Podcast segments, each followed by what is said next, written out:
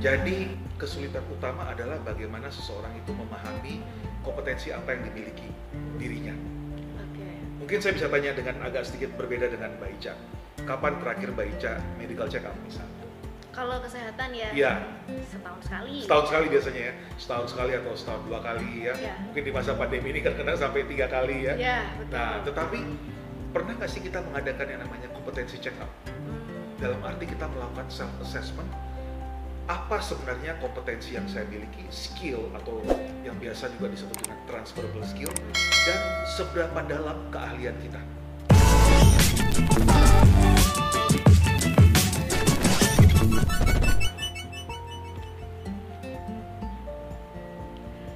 Halo, ketemu lagi dengan saya Anissa Briliani di Leadership Toolbox Podcast bersama Ronald Tuhatu, seorang psikolog organisasi dan konsultan sumber daya manusia. Baik, hari ini kita berkesempatan bertemu lagi dengan Bang Ronald. Apa kabar Mbak Ica? Sehat Bang Ronald. Bang Ronald apa kabar? Sehat-sehat juga dan semakin betah di Jogja. Semakin betah di Jogja. Seperti saya ya, juga Iya. semakin betah di Jogja. Banyak inspirasi kalau lagi di Jogja. Betul sekali. Baik, Bang Ronald, hari Ya. ini kita mau angkat tema masih seputar mencari pekerjaan nih, Bang. Eh, job hunting di masa pandemi. Nah, memang yang kita tahu selama pandemi ini banyak juga teman-teman yang kena layoff ya, Bang. Ya. Nah, dan eh, maka dari itu juga banyak nih karena layoff juga mencari pekerjaan. Semakin banyak nih yang masuk ke bursa pekerjaan. Kalau di LinkedIn itu ada eh, looking for job ya, kalau yang Ya, hijau. ya. dan ada juga beberapa teman-teman yang mencari eh, karyawan baru, mungkin begitu ya, Bang ya. Ya, Ini tantangan tersendiri ya, Bang, mencari Ya. pekerjaan di, era pandemi betul ini. di era pandemi karena nggak ada teori-teori sebelumnya nih bang mencari pekerjaan gimana sih apalagi di situasi sulit seperti ini baik mungkin kalau yang kita tahu mencari kerja itu kan eh, ada seleksinya ya bang Mhm. Ronald ya Mhm. Ada dari Ada tahapan-tahapannya. tahapan-tahapannya Iya. antara lain eh, administrasi Iya. lalu ada wawancara nah tapi eh, di samping itu mungkin banyak juga nih yang curhat gitu ya bang Iya. atau yang mungkin banyak juga nih ada DM ke bang Ronald atau di eh, channelnya Leadership Toolbox juga kok saya gagal ya dalam Hmm. mencari kerja nah kalau dari bang Ronald sendiri nih mungkin nanti kita bisa berbagi tips ya bang ya Ya, sebetulnya apa sih yang membuat eh, seseorang itu gagal dalam mencari kerja? Mungkin Bang Ronald mau kasih tips atau hints nih Ya. buat teman-teman. baik ya. eh, sebenarnya ada beberapa hal ya yang menyebabkan kenapa kita tidak cocok dengan organisasi tersebut ya, Ya. sehingga kita tidak diterima di suatu organisasi. Eh, secara garis besar bisa kita bagi dua. Yang pertama masalah kompetensi dan yang kedua masalah budaya organisasi. Hmm, Nah, jadi kecocokan apakah orang tersebut kandidat memiliki kompetensi yang memang dibutuhkan sesuai dengan persyaratan dari organisasi tersebut dan kedua masalah budaya organisasi. Apakah fit nggak antara culture orang ters- eh, organisasi tersebut dengan karakter dari eh, si pelamar? Nah, dua hal utama itu yang biasanya eh, menjadi penyebab utama dari eh, seseorang tidak diterima atau eh, perusahaan memutuskan mencari kandidat lain. Oke, jadi dari kompetensi si pelamar Ya, dan bagaimana dia bisa match dengan eh, Budaya budaya, kerja di organisasi organisasi tersebut. betul. Oke, mungkin kita ke bagian yang pertama ya Bang ya. Ya, Di bagian kompetensi Mhm. gitu. Jadi gimana supaya menurut saya mungkin ini ini, ini contoh Iya. aja ya. ya, Mungkin menurut saya kompetensi saya udah bagus nih Bang. ya. Tapi kan itu menurut saya Betul, gitu. betul. Dan kita juga nggak bisa nanya atau minta feedback langsung ke Dari- eh, apa namanya kantor yang kita sedang atau organisasi yang sedang kita lamar Bang. Mhm. Gimana Bang? Nah, eh, ini ya, eh, memang kalau pengalaman saya waktu saya masih di HR ya, Ya. jadi kesulitan utama adalah bagaimana seseorang itu memahami kompetensi apa yang dimiliki dirinya. Mungkin saya bisa tanya dengan agak sedikit berbeda dengan Mbak Ica. Kapan terakhir Mbak Ica medical check up misalnya? Kalau kesehatan ya Iya, setahun sekali. setahun sekali biasanya ya, setahun sekali atau setahun dua kali ya. Ya. Mungkin di masa pandemi ini kena sampai tiga kali ya. Ya, betul. Nah, tetapi pernah nggak sih kita mengadakan yang namanya kompetensi check up? Hmm, dalam arti kita melakukan self assessment apa sebenarnya kompetensi yang saya miliki, skill atau yang biasa juga disebut dengan transferable skill dan seberapa dalam keahlian kita. Nah, itu kalau kita sudah memahami diri kita, tentunya ini akan lebih mudah untuk bagaimana ketika kita harus uh, menjual atau ketika kita berinteraksi dalam wawancara dengan organisasi tersebut. Uh, kita bisa tahu, oke, okay, uh, uh, persyaratan apa yang mereka butuhkan dan juga apa sebenarnya yang saya miliki. Jadi pemahaman yang mendalam ya, saya bukan bilang hanya pemahaman, tetapi pemahaman yang mendalam tentang kompetensi atau skill yang kita miliki adalah langkah pertama yang harus dimiliki sebelum kita mencari pekerjaan. Oke, jadi nah. ini adalah tahapan pertama sebelum mulai mencari pekerjaan. Sebelum job hunting. Ini di kita sebagai kita. mencari kerja ya. Oke. Ya. Jadi dari segi pelamar kita harus tadi kompetensi Kenali diri check sendiri. up. Ya, ya, kompetensi check up ya, Bang. Betul, ya boleh dikasih tahu nggak bang caranya kompetensi check up tuh gimana? Nah misalnya untuk anda yang sudah bekerja nih ya, ya. kalau Mbak Ica udah bekerja nih kan, hmm. ada beberapa cara untuk kita melakukan kompetensi check up ya. Bisa kita tanya kepada atasan ya. Uh, secara berkala kan kadang-kadang kalau kita selesaikan suatu project, bisa kita tanya kira-kira apa kelebihan dan kekurangan saya. Hmm. Nah apa yang menurut bapak atau ibu atasan saya, saya sudah bagus melakukan, hmm. sedalam apa Nah biasanya kalau kita punya hubungan baik dengan atasan kita, ya. kita akan dapat feedback tersebut. Nah jadi misalnya, oh kemampuan problem solving Ica uh, pada level ahli nih. Nah misalnya 5 sampai satu ya, satu sangat tidak ahli, lima sangat ahli. Oh Ica udah di level 5, Ica mampu uh, mensintesakan beberapa permasalahan sehingga datang kepada suatu uh, solusi yang cocok. Misalnya. Nah itu uh, kita bertanya juga kepada rekan kerja kita tanya kepada rekan kerja bagaimana selama ini saya uh, melakukan suatu uh, tugas atau suatu uh, skill yang yang saya miliki apa saja kemudian juga bisa dengan salah satu lagi dengan uh, stakeholder kita atau pelanggan kita customer kita ya. ya. nah apa ya misalnya kalau Mbak Ica kan di NGO ya hmm. setelah menyelesaikan suatu proyek tanya kepada organisasi yang menerima uh, bantuan dari organisasinya Mbak Ica bagaimana menurut uh, Anda apa yang saya lakukan selama ini? Apakah masih ada yang harus diperbaiki? Nah ini yang kita bisa sebut sebagai 300 330 degrees uh, assessment. Nah jadi kita melihat dari uh, atas bawah tengah.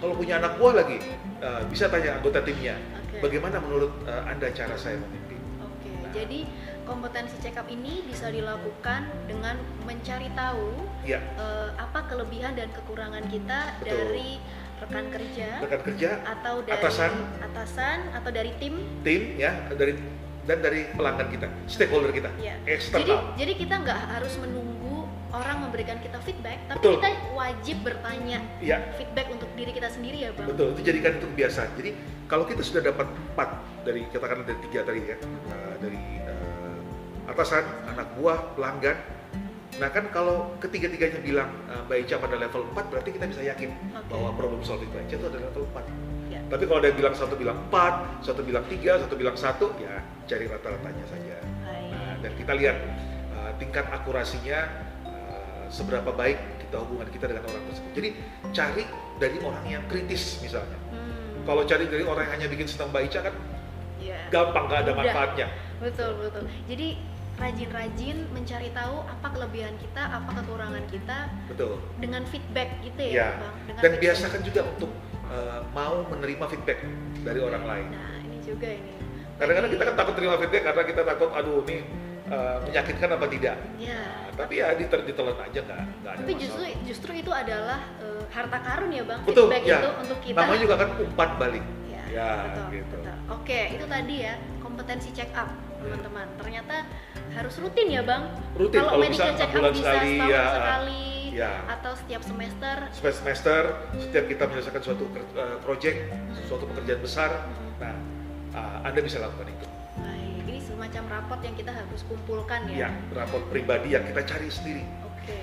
Ya. Dan kalau sudah sudah terbiasa mencari itu, kita akan tahu orang-orang siapa yang kita bisa percaya untuk memberikan feedback untuk next pekerjaan untuk kita jadi tahu ya, ya bang baik Betul. jadi bagi teman-teman nih yang uh, saat ini sedang bekerja bisa mencari tahu dari uh, atasan atau kerja. tadi rekan kerja dan juga Dari pelanggan. pelanggan, ya. Nah, tapi kalau yang mungkin saat ini masih belum bekerja, mungkin bisa ditanyakan di pekerjaan yang sebelumnya ya, Bang. Ya, misalnya baru lulus kuliah gitu ya, tanya ke dosen misalnya, Baik. tanya teman-teman kerja waktu kelompok kerja kelompok. Ya. Kalau kita berdiskusi menurut teman-teman saya orangnya gimana? Wah kamu tuh dominan kalau berbicara. Nah itu kan ya, Ya. karena kita bisa tanyakan dengan jadi banyak sebenarnya narasumber Ya. ya. Ya. Nah, memang kita harus memilih secara cermat ya, benar-benar orang yang tahu kita ya dan mau memberikan suatu masukan yang benar-benar kalau istilahnya itu brutally honest. Ya. jujur, jujur, jujur, Itu jujur. penting ya, Bang. Penting, untuk sangat kita penting. Brutally Ya. honest. Justru nggak banyak sekarang orang-orang yang mau secara jujur Ya. untuk uh, kasih tahu feedback ke rekan Iya, kerjanya. iya, iya, kalau takut mengganggu hubungan itu. tadi. Nah, betul. Padahal sebetulnya enggak ya, Ya. Bang. Oke. Oke, kalau itu tadi sebelum mencari kerja, tahapan paling awalnya adalah kompetensi check up. Apalagi- Self assessment, Self assessment Betul. atau self inventory ya. self inventory ya. Iya, baik. Eh, apakah ada tips lain nih, Bang, sebelum kita memulai kerja? Nah, eh, tadi kan tahapan pada waktu ini ya. Nah, pada waktu kita melamar pekerjaan itu juga ya, kita pastikan kita mengetahui pekerjaan apa yang kita lamar. Oke. Nah, kita cermati eh, di iklannya biasanya kan ada dibutuhkan orang dengan keterampilan tersebut Hmm, atau dengan eh, nama jabatan. Tapi kan nama jabatan itu bisa berbeda ya. betul, betul. Marketing manager di perusahaan farmasi bisa berbeda dengan marketing manager di perusahaan FMCG misalnya Betul. atau di sebuah sebuah startup. Nah, jadi pastikan Anda memahami perusahaan tersebut. Anda sekarang kan kita bisa banyak uh, alat ya untuk Hmm. memiliki perusahaan LinkedIn Ya. atau sosial media orang-orang yang kerja di organisasi tersebut atau kerja di organisasi serupa. Nah, kita bisa tanya. ya. Jadi kita tahu sebenarnya job description-nya apa yang dibutuhkan. Keterampilan apa saja yang dibutuhkan untuk mengerjakan pekerjaan tersebut. Bahkan dengan orang yang belum kita kenal pun kita menanyakan hal itu wajar ya, Bang? Bisa bisa melalui LinkedIn ya, namanya itu kan networking. Iya. Nah, networking ini bisa kita lakukan pada tahapan sebelum punya peker- eh, melamar pun. Jadi eh, biasakan kita melakukan networking dengan orang dari industri sejenis Oke. atau industri yang kita minati. Di luar pekerjaan kita saat ini. Ya. Jadi ini kita berupaya mencari informasi seluas-luasnya Betul. dari berbagai macam media, baik sosial media Ya, maupun mungkin googling kalau ya sekarang ya, Bang. websitenya banyak sekarang kan. Website, oke. LinkedIn tadi yang disebutkan Bang Ronald Ya, atau eh, networking itu tadi ya. betul. Bang. Karena gini Mbak Ica ya, eh, mencari pekerjaan itu adalah suatu skill. Nah, Nah, kan kalau dalam hidup ini kan eh, dua hal yang kita jarang diajarkan ya. Pertama, eh, keuangan pribadi, ya, tapi nanti kita bicara dengan orang yang lebih ahli. Tapi juga mencari pekerjaan ini kita nggak pernah diajarin. ya. Akhirnya kita eh, trial and true aja. Iya, Nah, nggak ada kurikulumnya pada ada saat kita kurikulumnya. di SMA, kuliah, ya, nggak ada ya, Bang. sama sekali. Nah, jadi skill ini harus kita miliki karena seumur hidup rata-rata sekarang orang akan pindah kerja generasinya Mbak Ica lah terutama 6 sampai 7 kali. Ya, itu beruntung kalau sebelum pindah sudah ada pekerjaan berikutnya. Betul. Tetapi kan itu kita nggak usah bicarakan kalau dulu Ya. best skenario. Kita Ya. bicara worst skenario di mana Anda harus lebih aktif. Nah, jadi keterampilan mencari pekerjaan itu adalah suatu skill yang harus dikuasai. Betul. Bukan hanya dimiliki, ya. dikuasai. Apalagi di tengah pandemi Ya, di tengah ini pandemi ya. ini. ya. Iya, iya, iya. Ada beberapa hal yang harus kita cermati di tengah pandemi ini. Uh, pertama, tentu semakin susah ya mencari pekerjaan. Uh, semakin banyak persaingan, ya. Betul. Berarti artinya apa? Anda harus mengenali diri Anda lebih dalam lagi. Hmm. Nah, yang kedua mungkin harapan Anda terhadap paket kompensasi. Nah, ini akan berbeda ya karena supply banyak, Ya, demand-nya ya, ya. sedikit. Ya, Ya, ya, ya, kan ya. kan pasar gitu ya. Dan kemudian juga Anda harus terbiasa dengan bekerja dengan gaya baru. Hmm. Uh, work from home ya, bekerja dari rumah berarti Anda harus mampu berkomunikasi secara lebih uh, ekstensif lagi. Karena bisa aja nanti kita seminggu cuma tiga hari kerja di kantor, dua hari kerja di rumah. Nah, itu yang yang yang yang berbeda pada masa pandemi ini. Oke. Jadi di masa pandemi ini, Bang, mungkin ada juga eh, keahlian atau kompetensi yang mungkin harus kita pelajari ya. Ya, Terutama kayak- yang gaya-gaya bekerja secara online. betul teknik tek, virtual, ya teknis ya apa teknis itu. Zoom apa Google Hangout atau apa pun platform yang untuk itu Iya. ya.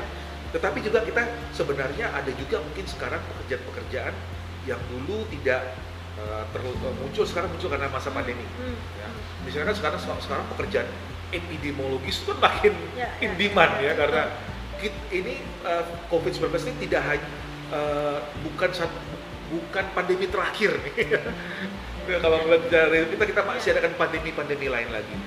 Nah kemudian lagi banyak kerjaan-kerjaan baru yang muncul ya di bidang kesehatan mungkin uh, researcher. Nah itu yang yang yang uh, sebenarnya ada juga kesempatan ya untuk orang-orang yang tadinya pekerjaannya memang hanya tradisional sekarang mungkin dokter juga tidak hanya tapi di beberapa di organisasi besar mereka perlu dokter internal in house Ya, ya. bukan hanya dari luar tapi in house yang meng- menguasai misalnya tahu uh, karakter penyakit yang ada di karyawan tersebut industri tersebut bisa memberikan occupational hazard apa yang harus dicermati jadi kita tidak hanya melihat memang ada banyak uh, yang membuat berubah tapi juga ada kesempatan yang muncul Baik. Jadi selain mengasah skill yang sudah dimiliki, Ya. kompetensi yang sudah dimiliki, kita juga bisa dalam masa pandemi ini untuk belajar hal baru atau Betul. skill yang baru ya. ya Oke, itu tadi kalau kita eh, dengarkan ya Bang Ronald, ada self inventory atau kompetensi check up, betul lalu ada mencari informasi tentang Ya. pekerjaan yang mau dilamar. Nah, betul pada saat kita melamar, ini kita masuk ke tahapan berikutnya ya Bang ya ya. boleh Wawancara nih Bang. Nah. Kita udah tahu nih pekerjaannya apa. ini momok nih kom- kompetensi yang dicari seperti apa. ya Lalu wawancara nih Bang. Banyak juga nih teman-teman yang mungkin gagal di saat wawancara. ya Tips berkomunikasi nih dari Bang. Nah, kalau saya kan bukan ahli komunikasi ya, Ya. tapi eh, nanti mungkin Mbak Ica bisa bantu kan ya. Tapi dari perspektif sebagai eh, yang pernah di organisasi ya, ya jangan bohong ya pertama. Artinya apa? Bukan artinya apa? Jangan bohong artinya jangan mencoba menjadi orang lain. Hmm. Nah itu yang paling pertama. Jadilah diri Anda, kompetensi apa yang Anda miliki tersebut. Nah makanya ini lanjutan dari self assessment tadi. Nah jadilah ini kemudian kita mampu mengkomunikasikan apa yang kita miliki kepada eh, pewawancara. Karena wawancara ada beberapa tahapan ya. Biasanya wawancara dengan HR, ya. Tipe pertanyaan akan berbeda dengan user nantinya. Ah gitu ya. Dan ada lagi wawancara dengan atasan dari orang tersebut atau mungkin dengan eh, stakeholder utamanya. Ya. Nah, kita harus bisa me- melihat dari perspektif yang berbeda. Kalau orang HR kan dia melihat apakah Mbak Ica ini memiliki karakteristik yang sesuai dengan organisasi kita. Kalau user nanti, artinya si manajernya, dia akan melihat kompetensi Anda di, di level mana, sedalam apa. Jadi Anda siapkan bukti-bukti atau data. Kalau Anda katakan Anda mempunyai kemampuan problem solving level 4, siapkan atau buat eh, ingat-ingat di masa lalu Anda ya, untuk yang sudah bekerja misalnya. Apa yang telah pernah Anda lakukan dulu? Misalnya memecahkan persoalan tertentu bagaimana? Misalnya untuk orang sales ya sales manager bagaimana ketika harus ekspansi ke eh, market baru bagaimana cara Anda membuka di teritori baru nah itu kan harus ini ya marketing nah, mar- marketing sosial media itu seperti dalam apa Anda menguasai nah pastikan Anda mempunyai contoh-contoh perilaku yang Anda lakukan karena apa yang Anda lakukan sukses di masa lalu akan menjadi prediksi kesuksesan Anda di masa depan. Oke, dan hal itu harus di-highlight pada saat kita Pada sedang waktu kita wawancara. wawancara Oke. ya. Tapi jangan dilebih-lebihkan, ingat ya sekali lagi karena apa? Eh, kan orang yang user terutama, dia kan juga tahu pekerjaan kita. Siapa tahu dulu dia mengerjakan hal yang kita kerjakan. Ya. Nah, jadi kita eh, ucapkan apa yang memang yang kita lakukan sejujurnya. Oke. Jadi hal konkret apa yang eh, kita lakukan Nah, di masa lalu, lalu. yang itu bisa memproyeksikan bahwa saya sebagai pelamar kerja bisa Betul. sukses dalam pekerjaan ini nantinya. Ya, gitu saya punya potensi, saya punya eh, skill yang dibutuhkan oleh organisasi tersebut. Oke, baik. Kalau habis wawancara nih, Nah, Bang ini Ronald. sebelum wawancara nih ya, eh, ini juga biasanya nih banyak nih saya mendapat ta- pertanyaan nih. Kita boleh nggak sih nanya pada waktu wawancara? Ya. Sangat boleh dan harus. Hmm. Nah, bukan hanya sangat boleh dan harus. Ada tiga hal yang harus ditanyakan pada waktu dengan usernya. Pertama, tanyakan lagi, Pak, Bu, pekerjaan ini apa ya ruang lingkupnya? Karena bisa saja yang diucapkan oleh itu berbeda dengan yang dipasang oleh perusahaan Ya, dia ya, ya, ya. ya. Jadi pastikan lagi konfirmasi ulang pada waktu awal, Pak, Bu, saya mau tanya kalau di organisasi ini seorang sales manager itu fungsinya apa sih? Ya. project manager itu apa sih? Nah, yang pertama. Yang kedua, Pak, Ibu, gaya kepemimpinan Bapak Ibu itu seperti apa sih? Oh. Nah, itu untuk supaya kita ini, ini kalau si manajer kita uh, result oriented Hmm. atau dia proses oriented. Nah, kita tahu karakteristiknya. Ya.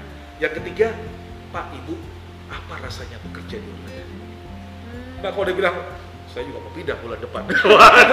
Itu tanda yang nggak ini. Nah, Tapi tapi- pertanyaan itu untuk diucapkan sama si pelamar kerja ini kandidat gitu Iya, loh bang. nggak apa-apa. Masalah, apa-apa. iya, itu bahkan dengan Anda bertanya itu, Anda kurang nilai plus. Oke. Berarti Anda pertama, Anda juga eh, mau tahu, Anda punya eh, punya sesuatu hal yang mau tanyakan. Jadi Hmm. tidak seolah-olah, oh udah kerja, saya saya desperate. Loh enggak, saya juga punya harga diri. ya gitu ya. Oke. Kalau nggak cocok organisasinya, ya ngapain Anda kerja situ? Dua bulan juga pindah nanti. Nah, pada saat kita wawancara Bang Ronald, Iya. ada nggak sih hal-hal yang eh, mungkin bisa dibilang etika dalam berwawancara? Kan kita kadang-kadang lupa ya bang, Iya.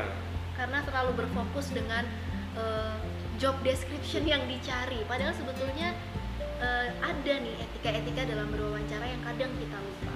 Ya etika berwawancara ya. Uh, apalagi kalau anda berbicara dengan orang dari generasi yang berbeda Ya. ya gunakan kata-kata saya uh, bapak atau ibu atau mas. Dengan seorang seumur pun mu- mungkin ya uh, kita tetap gunakan tata kerama etika ya apalagi kalau anda misalnya melamar kerja di bank atau organisasi yang cukup konservatif. Ya. ya pertama. Kedua berbicara dengan jelas. Hmm. ya jangan terlalu cepat kalau berbicara dengan apa, uh, orang yang seprofesi bisa kita menggunakan jargon-jargon Hmm. yang ada di pekerjaan kita tapi misalnya kalau anda bekerja dengan orang HR gunakan kata-kata yang dipahami oleh orang tersebut ya nah kemudian juga kalau nggak jelas Hmm. anda tanyakan lagi pertanyaan tersebut. Nah, jadi uh, beberapa etika berkomunikasi lah ya yang memastikan Anda dapat mengkomunikasikan apa yang ada dalam pikiran Anda kepada si pewawancara. Ada gestur-gestur atau bahasa yang ter, apa ini harus dilakukan nih bang? Kayak Iya, ya? bahasa tubuh kan. Jadi uh, sebenarnya kan katanya kan komunikasi itu kebanyakan non verbal. Nah, Ya, jadi kalau kalau misalnya gini ya, kalau Mbak Ica saya Mbak Ica suka nggak kerja di NGO? Ya saya suka sih. Kalau nggak terlihat di mukanya kan Hmm, berbeda. Tapi hmm, kalau hmm, hmm. Anda bisa menunjukkan antusiasme dalam ekspresi Anda tentunya akan, tapi bukan yang berlebihan ya, yang Ya. pas kadarnya. Nah ini tentunya juga akan mendukung uh, verbal Anda. Nah jadi bagaimana kita bisa uh, mengkomunikasikan kegembiraan kan kalau kita gembira kan terlihat di muka kita. Kalau ada antusias mengenai, wah saya memang suka nih uh, mengolah data nih. Nah itu kan tentunya meskipun kita nggak ekspresif, tapi kalau terlihat pun orang masih bisa menangkap hal tersebut. Oke, jadi kalau bisa disimpulkan terkait wawancara ini ya, Iya. eh, tadi sempat disebutkan juga dari Bang Ronald bahwa wawancara yang penting jadilah diri sendiri. Betul, itu Iya, sangat Bang? penting yang pertama. Betul. Lalu yang kedua harus eh, pahami siapa Ya. saja yang akan mewawancara kita. Betul. Lalu cara kita berkomunikasi juga dengan panelis-panelis yang Ya. mewawancarai kita itu juga harus kita sesuaikan dan Betul. antusiasme diri kita pada saat di wawancara itu juga menjadi satu poin yang eh, harus diingat pada saat kita melamar pekerjaan. Ada hal lain nggak sih, Bang Ronald? Iya Mbak Ica, eh, kalau kita mau bertandingkan atlet itu mereka latihan ya. Ya. Nah kenapa pada waktu wawancara Anda nggak latihan? Nah misalkan dengan teman-teman ya, Ya. tinggal "Eh, tolong dong ini wawancara saya. Jadi membuat Anda tenang, nyaman. Saya tidak mengatakan bahwa pertanyaan yang sama akan ditanyakan besok. Hmm. Nah, tetapi yang paling penting adalah bahwa Anda lebih merasa tenang. Karena kalau Anda tenang, ketika ditanya, Anda akan lebih bisa percaya diri untuk menjawab. Nah, itu juga sebenarnya yang paling penting, tenang. Simulasi. Iya, simulasi. Dengan berbagai ini ya, berbagai contoh pertanyaan dan teman-teman Iya. atau rekan-rekan yang kita kenal ya. Betul, tapi Ronald. tapi jangan diharapkan bahwa akan ditanyakan hal yang sama ya. Betul. Lebih sebenarnya untuk latihan berbicara, membuat Anda lebih tenang. Karena begini, eh, patut dipa- dipahami juga, ketika Anda datang, itu perusahaan juga memerlukan orang yang qualified. Ya. Nah, jadi jelas. ini dua arah. Ini sama kalau Mbak Ica cari pasangan hidup. Ya, saling me- saling me- membutuhkan, bukan hanya eh, si kita membutuhkan o- o- organisasi tapi organisasi juga membutuhkan. Jadi tenang ya, latihan dengan teman ya. Latihan ini bukan supaya Anda akan bisa menjawab pertanyaan itu tapi membuat Anda lebih tenang lagi dalam menghadapi proses wawancara. Itu juga sangat penting, ketenangan. Baik. Tadi sempat Bang Ronald waktu ini kita ngobrolin tentang yang letter. Ah ya, setelah itu Heeh. Uh, jangan lupa uh, ini tata krama ya. tata krama. Uh, memberikan uh, surat melalui email atau melalui WA ucapan terima kasih karena telah diinterview. Baik. Walaupun pada saat kita uh, interview langsung itu kita sudah udah kita bilang sudah ya, kita tapi katakan tetap terima kasih kesempatannya gitu kita perlakukan juga secara ya supaya dia ingat kita. Oke. Nah kan saya perlu kita perlu dia ingat kita. Jadi kalau kita bicara oh, oh project coordinator Anissa Brilian. Nah, karena apa? Karena dia kirim surat terima kasih. Karena dia nah, jadi ini kan sama kayak kita marketing kan. Ya. Nah kita harus memastikan bahwa pesan kita tercapai dengan baik dan bahwa kita diingat sebagai kandidat yang uh, di prefer kandidat. Ya. Kita kan harus mengalahkan 500 orang atau berapa ya, ya. orang lain. Nah itu, jadi kita harus membuat semua uh, pertemuan orang tersebut dengan kita sebagai sesuatu yang memorable yang akan diingat oleh. Supaya selalu diingat Ya. sehingga kalau mungkin pada saat uh, itu kesempatannya tidak untuk kita tapi kita mungkin bisa dapat Ya mungkin Dari- juga kalau ya, di- ya, direkomendasikan oleh orang tersebut ke tempat yang lain. Kerapihan kita juga ya, bau badan, ya itu itu mempengaruhi ya teman-teman ya. Uh, itu harus diperhatikan ya. Uh, tetapi dua hal yang paling penting, Anda tenang dalam menghadapi wawancara dan juga jadilah diri Anda. Itu fondasi dasar. Yang lain akan bisa mendukung Anda untuk lebih sukses lagi dalam wawancara. baik Bang Ronald kayaknya Ya. nggak kerasa sudah Ya. banyak ini tips Ya. yang diberikan dari Bang Ronald Ini Seru kalau kita mau sekali. bicara nih bisa lima hari nih. Seru sekali topik hari ini job hunting di masa pandemi. Jadi bagi uh, teman-teman mungkin kalau yang mau request tema boleh ya bang? Ya silahkan kalau ada pertanyaan komen. juga Iya. uh, silahkan dituliskan. Tetapi satu hal ya uh, Mbak Ica ya, mencari pekerjaan itu itu perjalanan. Ya. Ya. Dan yang paling penting kita tidak boleh pernah putus asa. Karena kalau dalam mencari pekerjaan itu ada seorang pengarang terkenal mengatakan no, no, no, no, no, no, yes. Kita akan menerima banyak uh, rejection, penolakan. Tapi jangan dibawa ke peras- apa it's nothing personal. Nah, itu juga ya, jangan diinikan jadi sehingga jangan dibawa ke arah pribadi bahwa oh kalau saya ditolak oleh suatu perusahaan berarti saya tidak mampu. Tidak. Kita belum cocok. Nah, jadi Jangan baper ya. jangan baper ya. ya betul Jangan jangan baper. baper. Ini sangat uh, logik dan kalau Anda mampu mengontrol prosesnya, kemungkinan Anda untuk dapat pekerjaan akan lebih tinggi. Baik. Terima kasih Bang Ronald. Terima kasih Mbak Ica. Waktunya hari ini. Ya, semoga, Semoga- sehat selalu ya. Semoga sehat selalu untuk Bang Ronald dan semoga topik hari ini juga bermanfaat bagi Anda yang mengikuti Leadership Toolbox Podcast. Sampai jumpa lagi di episode lainnya bersama dengan saya Anissa Briliani Dan saya Ronald Tuhatu. dalam Leadership, Toolbox Podcast. Podcast.